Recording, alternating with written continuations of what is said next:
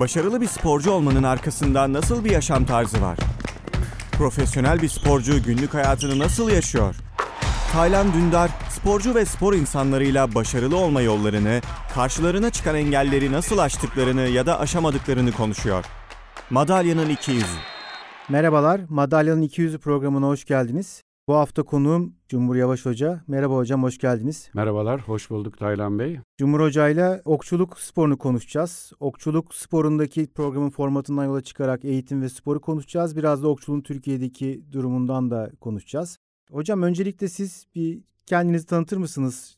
Çok uzun bir kariyeriniz var ama lütfen kısaca. Çok kısaca söyleyeyim. 1970 yılında okçuluğa başladım. Eski bir milli sporcuyum. Milli sporculuğun ardından uluslararası birçok kursa katılarak Türkiye'de önce milli takımlar antrenörlüğü, ondan sonra milli takımlar teknik direktörlüğü 23 yıl kadar bir süre yaptım. Arkasından da 2009 yılında Türkiye Okçuluk Federasyonu'na yönetim kurulu üyesi olarak seçildim ve hala aynı görevime devam ediyorum.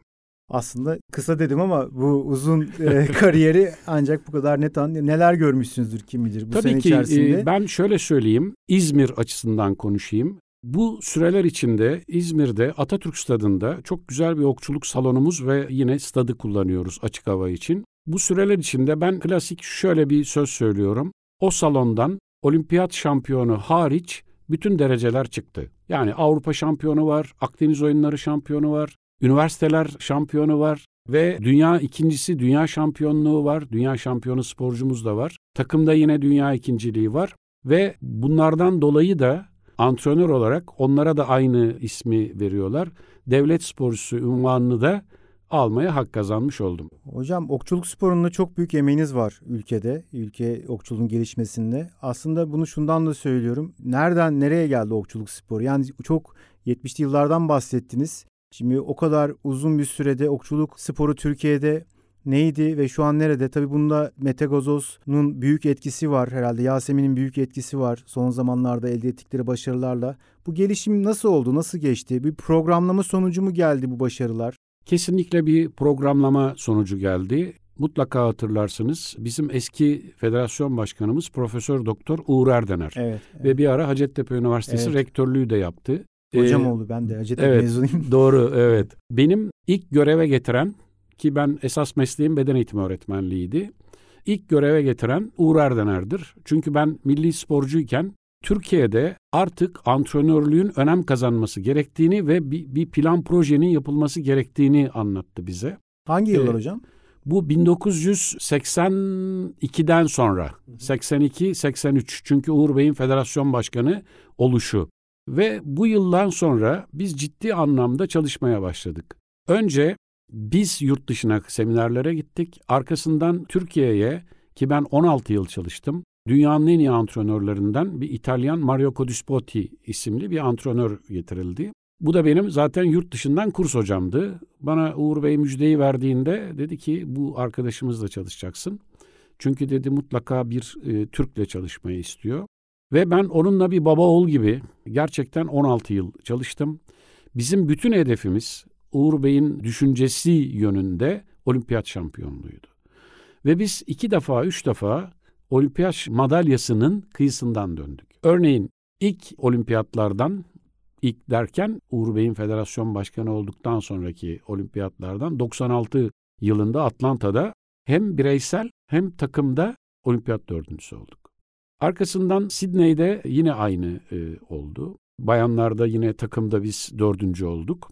Dolayısıyla 2-3 defa bu olimpiyat madalyası geldi gitti. Bir takım aksaklıklar oldu ama şunu söyleyeyim ki bir proje olmadan işte Mete Gazoz'a gelinmiyor. Dolayısıyla bizim Mete Gazoz'un altın madalya alınması ta o yıllara dayanarak geliyor. O yıllardaki çalışmaların biz şu anda Meyvesi. e, meyvesini görüyoruz. Bir de sürekliliği olan bir şey de olması da önemli. Kesinlikle öyle. Örneğin bizim yönetim kurulumuz şöyle işliyor. Ben milli takım sporcusuyken yönetim kurulu üyesi olan benim abilerim başkan, başkan vekili örneğin şu anda. Ben onlarla beraber çalışıyorum. Benim olimpiyat sporcum Göktuğ, Yusuf Göktuğ Ergin şu an milli takımlar teknik direktörü. Yani böyle bir sirkülasyon var. Bu şekilde birbirimize devrederek gidiyoruz. İşler de hep üzerine koyarak devam ediyor. İşte Mete'nin de olimpiyatlarda altın madalya alması gerçekten bizleri çok sevindirdi ve okçuluğu da çok yüksek bir bölüme Seviyeye taşımış oldu. Ben onu Aynen. soracaktım size. Bizim basketbolda bir beyaz gölge etkisi dediğimiz bir şey var. İşte 80'li yıllarda Beyaz Gölge dizisinin ülkede yarattığı basketbol sevgisinin artmasıyla ilgili. Genelde böyle oluyor. Yani Mete'nin başarısı da çok medyada ön plana çıktı. Maçları hepimiz canlı olarak izledik olimpiyatta. Gurur duyduk. Ve gençlere de çok büyük etkisi oldu. Talep artmıştır herhalde değil mi? Yani bu Kesinlikle başarılardan sonra. arttı. Hatta illerde antrenörleri yetiştiremedik biz. Ve e, onun üzerine Türkiye Okçuluk Federasyonu olarak tekrar antrenör kurslarına ağırlık verdik. İllere atadık. Bu arada Gençlik ve Spor e, Genel Müdürlüğü, Spor Bakanlığı da illere yeni atamalar yapıldı okçulukta başarı gelince ve yeni antrenörler kazandırdık. Bunlarla beraber çalışmalarımıza devam ediyoruz. O zaman Evet. yeni meteler geliyor mu? Gelebilir, nasıl? gelebilir. Yani Biz ülke e, genelinde. Evet, şöyle sezon başında bir yıl öncenin en başarılı 32 sporcusunu alıyoruz. Yani Ya şu hocam an çok özür dilerim. Yeni Mete'ler deyince de hani Mete daha kariyerin aslında çok başında, çok, Çok genç. başında. Yani Mete biz daha çok uzun yıllar. Mete bir de çok sempatik bir çocuk. Evet. Ee, ondan da örneğin başka sporcular da olimpiyatlarda madalya aldı ama hep gündemde olan Mete oldu. Gayet güzel yerlere geldik. Mete on, bu işi biraz daha profesyonel de yaparak ön plana çıktı. Ben Mete'ni takip ettiğim için özel kendi markasını yöneten bir şirkette de çalışıyor bildiğim kadarıyla İstanbul'da. E, eğitimine dönem veriyor. Onu birazdan konuşacağız. Üniversiteye de girdi, Tabii. okuyor. Tabii. Nasıl beraber götürüyor, götüremiyor onları zaten birazdan konuşuruz ama yani Mete özelinde değil zaten eğitim ve spor, okçuluk nasıl beraber gider onu da konuşacağız. Ama büyük bir etkisi var. Biraz da marka yönetimini de çok iyi yapıyor. E, Şimdi Mete. Mete'nin babası Metin Gazoz benim eski öğrencim. Evet. Ee, onlar zaten İstanbullu. Milli takımdan öğrencim. O da milli sporcu. Ve gerçekten kendi oğluna büyük bir özen gösterdi. Çok küçük yaşlarda başladı. Normalde biz okçuluğa 9 yaşında başlarız. 8 yaşında başlarız. O bir takım özel yaylar getirerek daha küçük yaşlarda 6 yaşında başlattı. Ve arkasından da işte bir takım küçük yaşlarda yarışmalara girmesiyle birlikte daha başarılı hale geldi. Ancak o başarılara çok kolay gelinmiyor. Şu an bizim ben milli takımdaki sporcuların çalışma programından biraz bahsedeyim. Sabah başlıyorlar erkenden gece saat 9'a 10'a kadar çalışmaları devam ediyor. Bunun hepsi ok atmak değil tabii. Sezon sezon değişiyor. Diğer branşlarda basketbolda, voleybolda olduğu gibi. Bir de ben kendim milli takımlar teknik direktörlüğü yaptığım dönemde biz de üniversitelerden yardım alıyorduk. Örneğin Hacettepe Üniversitesi'nden, Ankara Üniversitesi'nden ben yardım alıyordum. Örneğin Emin Ergen ve Caner Açıkada'yla da ki bu arkadaşlarımız gerçekten bu konuda profesörlüğe ulaşmış arkadaşlarımızdır. Çok ciddi yardımlar aldık ve onların sayesinde de sporcularımızın kondisyonlarını iyi duruma getirdik. Şimdi yine üniversitelerle çalışılıyor ama artık kondisyonerimiz sürekli takımın başında. Fizyoterapistimiz takımın başında. Yine psikoloğumuz takımın başında. Devamlı kontrol altındalar ve yapılan programa göre herkes kendi işini yapıyor. Çok geniş bir milli takım kadrosu var, eğitici kadrosu var. Dolayısıyla bunlarla beraber bu işi sürdürüyorlar. Bir gün içerisinde çok uzun bir antrenman saatinden bahsettiniz. Aynen. Bunu ben de bilmiyordum mesela bu günlük kadar olduğunu. günlük çalışmaları 8-9 saatin üzerine çıkabiliyor evet. Vay be. Ben Vay be bunu- diyebildim yani. Kesinlikle. Bir de okçuluk tabii dışarıdan görüldüğü gibi değil. Herkes dışarıdan gördüğünde çekip atmak gibi düşünülebiliyor. Ama bir yay performans. Örneğin Mete Gazoz'un yayı 21,5-22 kilo bir çekişi. Yani bir tane ok atabilmek için Mete Gazoz 21,5-22 kilo yay çekiyor. Örneğin Yasemin Eceman Göz 18,5 kilo yay çekiyor. Yayın da kendi bir 3-3,5 kilo ağırlığı var. Aşağıya bir direnci var tabii. Bir yer çekimi var. Hem onu tutuyor hem bir taraftan yayı çekiyor. Bir okunu attığında bu kadar efor sarf ediyor.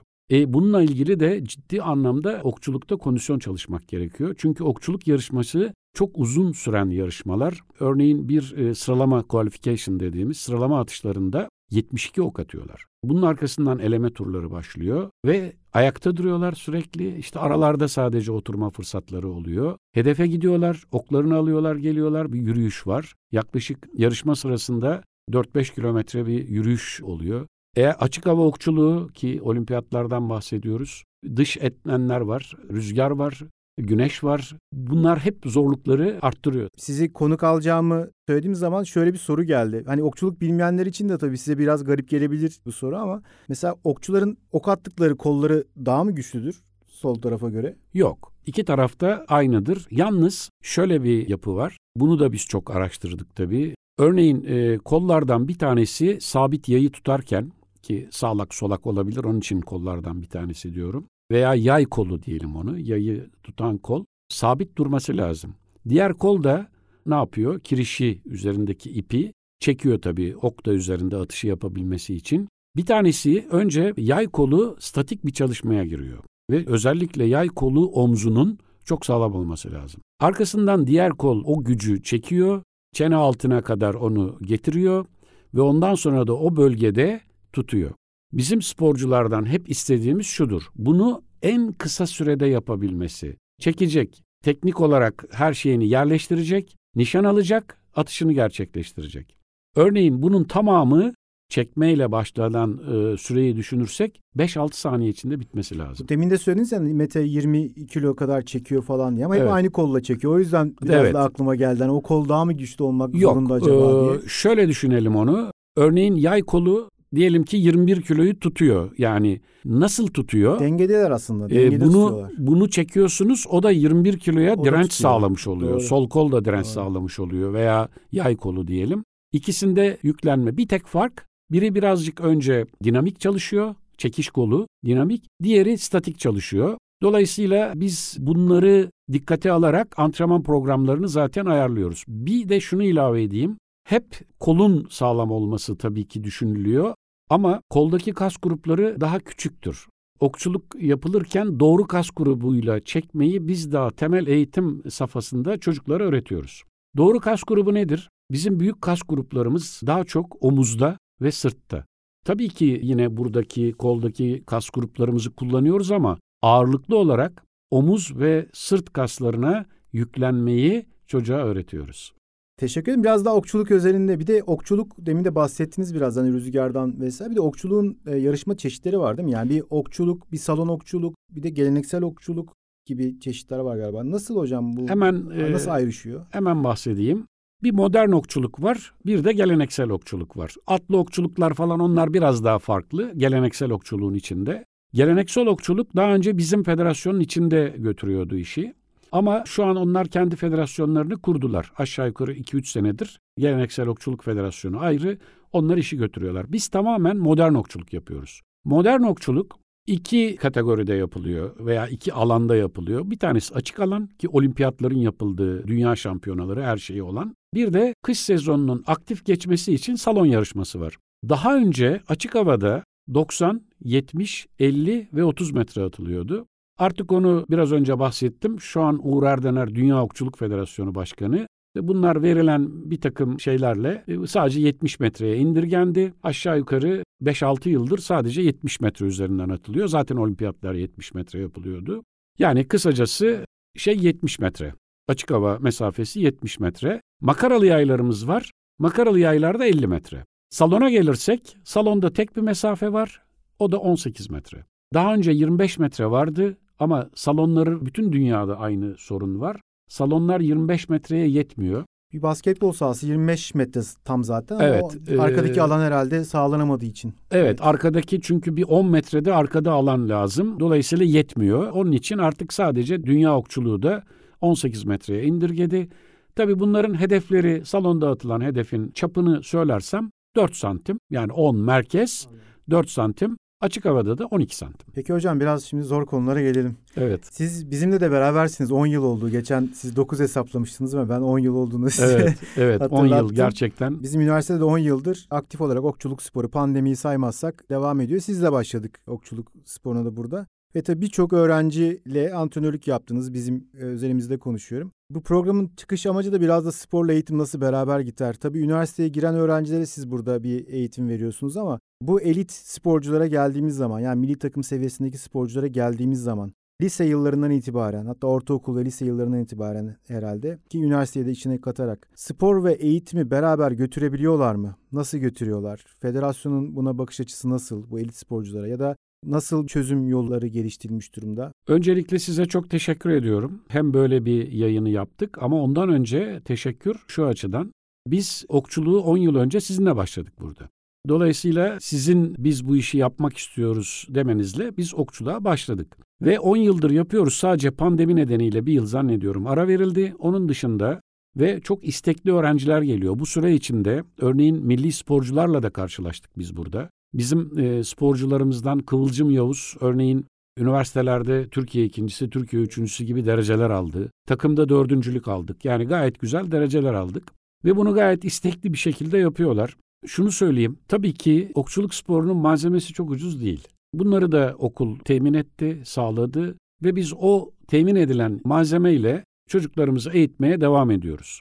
Buradan çıkan çocuklar belki çok üst düzey sporcu olmayabilir. Fakat bunlar herhangi bir sportif ortama girdiklerinde okçuluk bilgilerini ortaya çok rahat bir şekilde koyabilirler. Tekniklerini koyabilirler.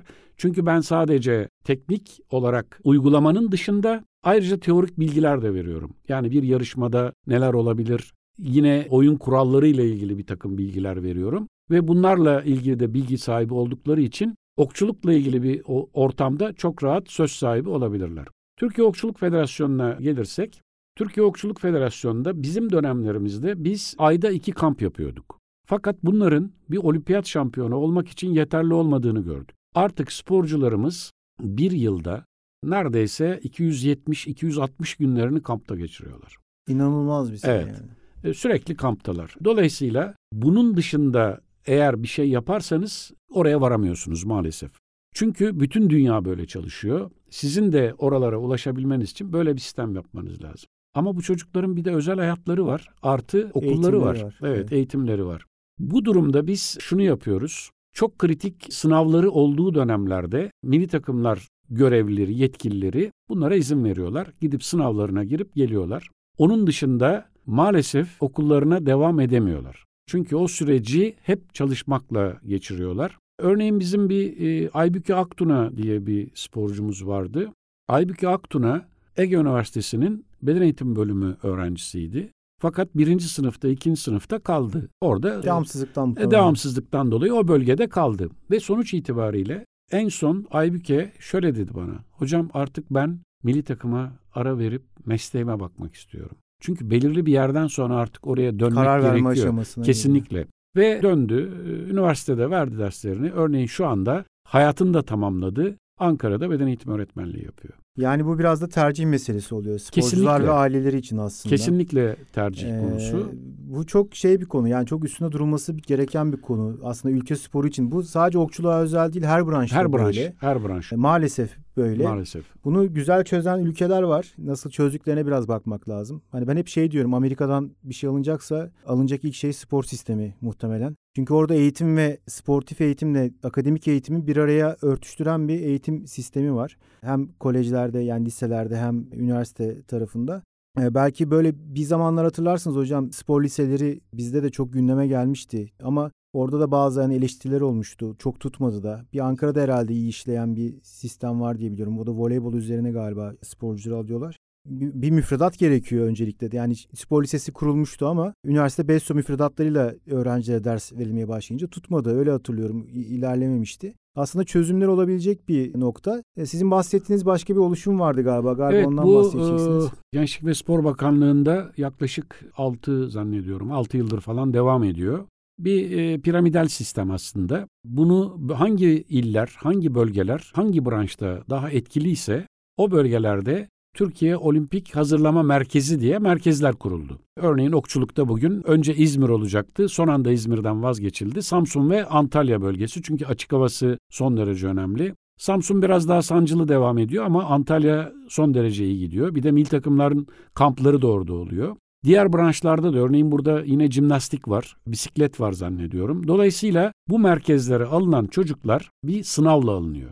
Bu sınavda kendi branşlarındaki yeteneklerini ortaya dökerek ancak girebiliyorlar. Okullarını da sistem onların oraya alması gerektiğini söylüyor ve hiçbir sıkıntı çıkmadan okullarını da alıyorlar. Hatta üniversitelerini de alabiliyorlar. Böyle olunca boş kalan zamanlarında okullarına gidip en azından o telafi eğitimlerini çok rahat bir şekilde alabiliyorlar. Bu güzel bir sistem. Önce geniş bir kadro, ondan sonra gittikçe daralan bir kadroyla biz onu bir de şöyle bağlantıladık. Olimpik havuz denilen bir sistemimiz var. Bunların içinden çok başarılı olanları Buradan çıkarıp olimpik havuza alıyoruz ve aynı sistemin içinde devam eder gibi gidiyorlar ve hakikaten buradan da çok biz başarılı sporcular e, kazandık. Birçok kulüp ismi vermeden tabii mesela birçok branşta mesela açık liselere de gönderebiliyorlar çocukları. Hani eğitimlerini bu şekilde bitirsin, devam etsin diye. Benim de taktığım konu şu. Aslında bununla ilgili demin eğitimden bahsederken bunu seçen veliler ya da sporcular için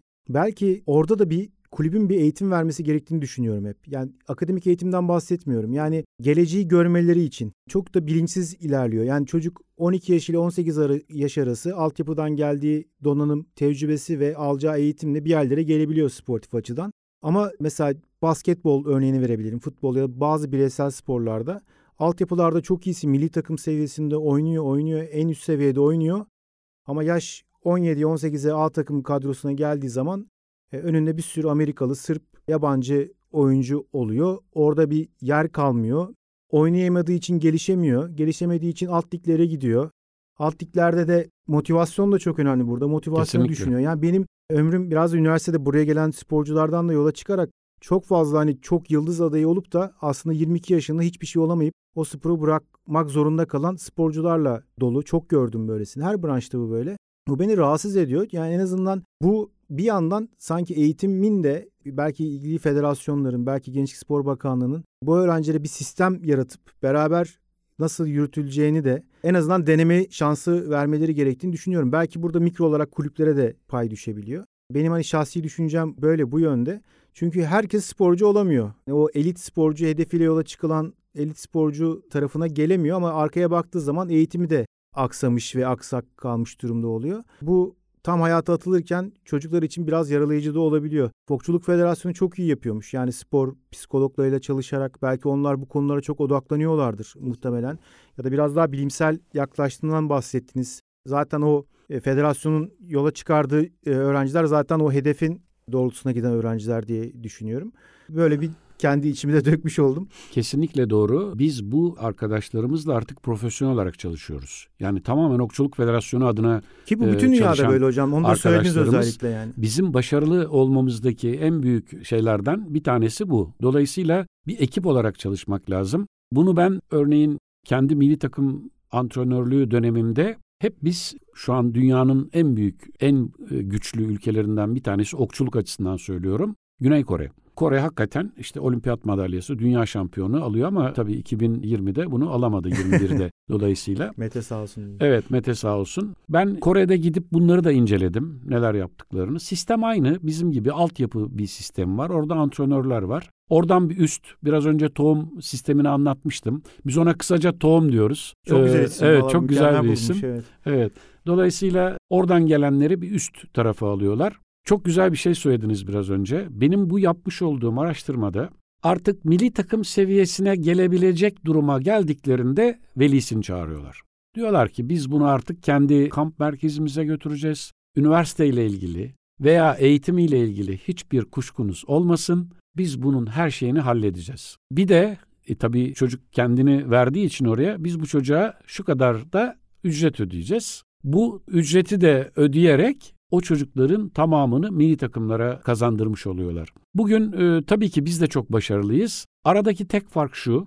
Bunlar bu sistemi yaptıkları için biz milli takımlarımızı örneğin 32'den 8'e düşürüp 8'i milli takımlara alıyoruz. O 8'in içinden de en iyi 3'ü seçiyoruz. Onlar bu 32'yi her zaman ellerinde tutabiliyorlar. Neredeyse 32 kişi aynı ayarda sporcu var. Niye? Sporcuları alanları daha yaygın. Ve güzel de rekabet oluyor. Evet rekabet oluyor evet. Mesela tenis biz Antalya tenis şampiyonasına gittiğimiz zaman da karşılaşıyoruz. Bütün dünyada da bu böyle dediniz demin. Evet gerçekten öyle. Yani 12-14 yaş, 10-15 yaş grubu ufacık çocuklar aslında eğitim sezonunda gelip orada sürekli turnuva oynuyorlar. Sürekli dünyanın her yerine gidip turnuva oynuyorlar ama o çocuklar işte tenisçi oluyor. Bir şekilde hani eğitimi de muhtemelen onların kendi iç sistemi içerisinde paralelinde götürüyorlardır. Bazı kulüpler bu çocukları alıyoruz ama çok saygı duyuyorum o sistemlere. Mesela kendi kamp merkezlerinin içerisine akademik eğitim de veren sistemler var. Diksiyon, güzel konuşma, bunun gibi eğitim veren kulüpler de var. Ben çok takdir ediyorum onları. Hatta İzmir'in de böyle kulüpleri var. Ben hemen şunu söyleyeyim. Biz de Okçuluk Federasyonu olarak işte okullarına belki çok fazla destek olamıyoruz. Sadece biz izin vererek bunu sağlıyoruz. Ama şu an başkanımız bu konuda Abdullah Topaloğlu çok değer veriyor yabancı dile. Biz Çok önemli. hala devam ediyor. Her dönem devam ediyor. İngilizce kurslarımız bizim milli takım kamplarında sürekli var. Çok çok önemli hocam. Evet. Şu an bir Sürekli sporcu var. olmanın ilk şartlarından Kesinlikle biri. İstediğiniz öyle. kadar iyi olun. Şu an Mete Gazoz, Yasemin Ecem Anagöz en çok bilinen oldukları için söyledim ve diğer sporcuların hepsi gayet güzel kendilerini anlatacak kadar yabancı dile sahipler. Harika. Evet. Hocam bu tabii sportif eğitim çok önemli ama sonuçta bu sportif eğitim veren antrenör ekibi de var. Nasıl antrenör ekibi şu an ülkemizdeki durum? Şu an çok iyi. Şöyle söyleyeyim. Biraz önce söylemiştim. Yusuf Göktuğ Ergin Türk milli takımının teknik direktörü. Bir defa Yusuf Göktuğ Ergin çok iyi İngilizce biliyor. Ve biz de e, World Archery'de yani Dünya Okçuluk Federasyonu'nda Koç Komisyonu denilen bir komisyon vardır. Koç Komisyonu'na seçilmiş bir üyedir. Hatta son birkaç yıldır da Göktuğ Ergin diğer ülkelere World Archery kanalıyla antrenör kursları veriyor. Ve bizim Türkiye'deki antrenörlerimiz de gerçekten çok iyi. Verilen seviye burada çok yüksek. Hatta onunla ilgili çok küçük bir şey söyleyeyim. Tabii hocam. Benim Almanya'da bu işi yapan, e, antrenörlük yapan çok genç bir arkadaş vardı. Ve biz tesadüfen bir tatil köyünde beraber olduk. Ve bu süreç içinde ne olur bana biraz bilgi verir misiniz? Hazır tatildeyiz. Günde bir saatinizi, bir buçuk saatinizi ayırır mısınız dedi. Olur dedim ben. Ve ben e, arkadaşıma küçük küçük bilgiler her gün vermeye başladım. Sonradan bana bir şey söyledi. Dört günün, beş günün bitiminde. Dedi ki hocam ben Almanya'da ikinci kademe antrenörüm. Fakat dedi bu sizin anlattıklarınızı ben orada hiç görmedim dedi. Dolayısıyla okçuluk açısından söylüyorum. Türkiye'de verilen okçuluk bilgisi antrenörlere eğitimlerde son derece üst düzey. Tesisler yeterli mi hocam? Tesislerde e, şöyle biraz sıkıntı çekiyoruz ama iki tane bizim çok önemli tesisimiz var. Bunlardan bir tanesi Antalya'da 33 bin metrekarelik bir yer. 20 bin metrekaresi, 21 bin metrekaresi tamamen çim. Diğer e, bölüm sosyal tesisler olarak yapılmış durumda. E, Çocuklar kampta oradalar genelde herhalde. Kamplarını orada yapıyorlar. Ayrıca biz yine bir kamp alanımız daha var. Bir otel içinde de bunu yapabiliyoruz. Hatta otel bizim sponsorluğumuzu da e, Söyleyebiliyoruz hocam Gloria mı? Evet doğrudur. Evet. Ee, Gloria isim zikretmek Sorun yok istemedim. hocam. Evet. Katkıları Gloria. o yüzden sponsorlar. Ben de hep desteklerim Evet. böyle Çünkü şeyler. Gloria'nın sport arena biliyorsunuz hatta atletizmden örnek verelim. Guliev orada antrenman yapıyor. Diğer çok ünlü sporcular orada görev yapıyorlar. Orada çalışıyorlar. Bizim milli takımımız da sürekli orada. Onlar da bize bir sponsorluk yapıyorlar Türkiye Okçuluk Federasyonu'na ve karşılıklı olarak antrenmanlarımızı orada sürdürüyoruz. Sağ olsun onlar da bunların da bize çok büyük desteği var evet. Süper. Ben sporcular aslında altyapıdan gelen sporcu sayısı var mı hocam aklınızda? Yani ne kadar sporcumuz var şu an? Türkiye'de şu an aktif lisanslı sporcu sayısı en son 20 binlerdeydi. Ama biraz önce siz de e, gayet güzel söylediniz. Metagazoz'dan sonra bu sayı e, arttı. muhtemelen. Evet hemen ikiye katladı. Bu bu bir meslek aslında. Ben hep ben sporun her branşı için onu söylüyorum. Üniversiteye gidiyor insanlar. Sonrasında meslek sahibi olmaya çalışıyorlar. Ama sporu bir meslek olarak gören bireyler için ve aileleri için aslında o çocuk için aslında o süreç 15-16 yaşında başlıyor. Kesinlikle öyle. Yani bir meslek sahibi oluyor. Ona göre yaşamak zorunda kalıyor. Tam gününü alan, demin anlattınız hocam bütün gün antrenmanda. Yani biz tam zamanında burada o kadar çalışmıyoruz. yani tam gününü alan bir meslek sahibi olmuş oluyor aslında. Çok çocuk yaşta. Bu başarılı bir yere gelebilmek için bir enteresan durum daha var. Bugüne kadar benim yapmış olduğum gözlemlerimin içinde çok başarılı, çok başarılı sporcu genelde sosyoekonomik durumu orta ve ortanın altındaki gruplardan daha iyi yakalıyoruz. Öyle mi? Evet. Hmm, enteresan. Ee, bu da enteresan, enteresan. derken genelde bazı branşlarda tam tersi oluyor. Biraz, biraz önce basketbolda değil örneğin. Ya o- Basketbolda basketbol değil. teniste mesela Teniste mutlaka değil, yüzmede evet. genelde daha Çünkü çocuğun düşüncesi şu. Ben beden eğitim bölümüne gideceğim. Eğitim spor fakültelerine gideceğim. Spor isimleri de değişti onların şimdi. Spor bilimleri beden fakültesi eğitimi oldu. Evet. yok. Dolayısıyla ben oraya gideceğim diye düşündüğünde zaten kendisini direkt spora veriyor çocuk. Ve oradan yetişiyor, geliyor. Hangi branşta eğer çalışıyorsa o branşta sivriliyor, geliyor. Evet. Hocam son olarak bir İzmir'deki durum şu an nasıl? Bir de bizi ne bekliyor okçulukta gelecekte? Yeni meteler geliyor dedik biraz konuştuk ama hani olimpiyat var yine olimpiyat madalyaları gelir mi? Başkaları da zorlar mı oraya? Bunu bir sormak isterim. Şöyle söyleyeyim. İzmir'de sizin de gelmiş olduğunuz Atatürk Stadı'nda bir salonumuz var. Yine açık havamız var. Az önce de söylemiştik. Sadece okçuluk buradaydı. Şimdi okçuluk bütün semtlerde var. Her semtte yapılıyor ve eskiden ben 10 kişi, 12 kişi bir yarışmaya giderken ben il temsilciliği görevini de sürdürüyorum burada. 10 kişi, 12 kişi, 15 kişi yazarken şimdi bir yarışmaya giderken yazdığım liste 35'lerde 40'larda oluyor. Bunlar yarışmaya gidenler İş sadece. arttı hocam. Aralarından seçilerek her bölgede Karşıyaka'da var, Gaziemir'de var, Buca'da var. Her yerde salon var ve bunların bazıları özel salonlar, bazıları devletin salonları ama sonuçta çark dönüyor ve gayet de güzel çalışıyorlar. Dün mesela ben Seferihisar tarafına gitmiştim. Oradan gelirken bile orada çalışan salonları ziyaret ettim. Gayet güzel salonlar var, gayet güzel alanlar var ve oralarda da okçuluk yapılıyor. Türkiye'deki yayılımını az önce söyledim. Gerçekten sayı olarak çok yayıldık. İl olarak neredeyse Türkiye'nin şu anda bütün illerinde yapıyoruz. Aslında bir hayal için sordum bunu. Hedefimiz, hedefimiz olimpiyat şampiyonu olduk. Tabii ki bunu devam ettirmek lazım. Şu an en büyük hayalimiz bireysel olarak aldığımız madalyayı kadın ve erkek takımında da bunu gösterebilmek. Hani hayalim şu. Bireysel olarak da belki iki Türk sporcunun birbiriyle yarışabiliyor olması orada. Yani bir Mete'yi zorlayan biri belki arkadan gelir. Mutlaka, mutlaka olacaktır Müthiş keyif da. verir bize. Evet, yani mutlaka izlerken olacaktır. de çok keyifli olur. Tabii biz bunu World Cup'larda, Dünya Kupalarında görüyoruz. Bizim iki sporcumuz bazen yarı finalde birbirlerine e, gelebiliyorlar. Bu arada iki tane tesisimiz var demiştim. Bir tanesi Antalya'da. Buraya tenisi de içine katacağım şimdi. Okçuluğun Wimbledon'ı diyorlar. Bütün dünyadaki okçular. Çünkü gerçekten çok güzel bir tesis. Hem hava şartları oldukça uygun. İkincisi de en güzel salonumuzda şu an Samsun'da 100 metreye 45 metre bir salonumuz var. Ve örneğin 12 Şubat'ta 12-18 Şubat'ta Avrupa Şampiyonası'nı bu yıl orada yapacağız. Yani böyle yatırımlar tabii mutlu ediyor hepimizi ve karşılığında alıyor. Onu anlatıyorsunuz zaten. Mutlaka tesis ve antrenör ve karşılığında iyi sporcular geliyor. Mete Gazoz'un olimpiyat şampiyonu olmasıyla beraber de tabii biraz yatırımlar da arttı. 5-6 ile örneğin 60'a 60'a 30 gibi hatta yanında da açık alanı olacak şekilde salonlar ve açık alanlar yapılıyor. Bunlardan bir tanesi de İzmir. Proje hazır. Yer hazır. Gaziemir'de de herhalde çok yakında bunun inşaatına başlanacak. Süper. Evet. Keyif aldık hocam bundan Evet.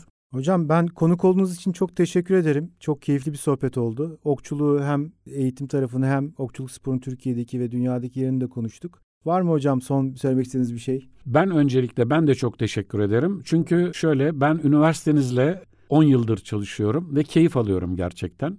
Üniversite öğrencileri hepsi son derece akıllı, bilgili çocuklar. Bunlara eğitimi vermek zaten çok kolay oluyor. Hepsi de gayet atış haline geliyorlar. Ki sizin sayenizde önceki dönemlerde buradaki salonumuzda biz personele de, hocalara da, hocalarımıza da eğitim verdik. Onlar da son derece mutlu oldular ve onlar da e, gayet güzel atışları öğrendiler. Ben bu açıdan okçuluğu yaymak için uğraştığınız için sizlere çok teşekkür Çok ediyorum. sağ olun hocam. Daha iyisini de yapıyoruz. Şimdi salonumuz yeniden yapılıyor. Çok Ee, güzel, o da bir- başladı. Yine aynı şekilde burada hem personel hem öğrenciler eğitimlerimiz tabii ilerleyen dönemlerde mutlaka devam edecek sizin liderliğinizde. Ben çok teşekkür ederim tekrar hocam. ben konuk teşekkür ederim. için. Çok sağ olun. İleride Ee, belki yeni gelişmelerle tekrar konuk olarak alabiliriz sizi. Sağ olun. Çok teşekkürler. Biz de elimizden gelen bütün bilgileri burada paylaşmaya hazırız tabii ki. Evet. Madalin 200'ü programında bu hafta Cumhur Yavaş hocamızı ağırladık. Önümüzdeki programda tekrar bir araya gelmek üzere. Hoşçakalın.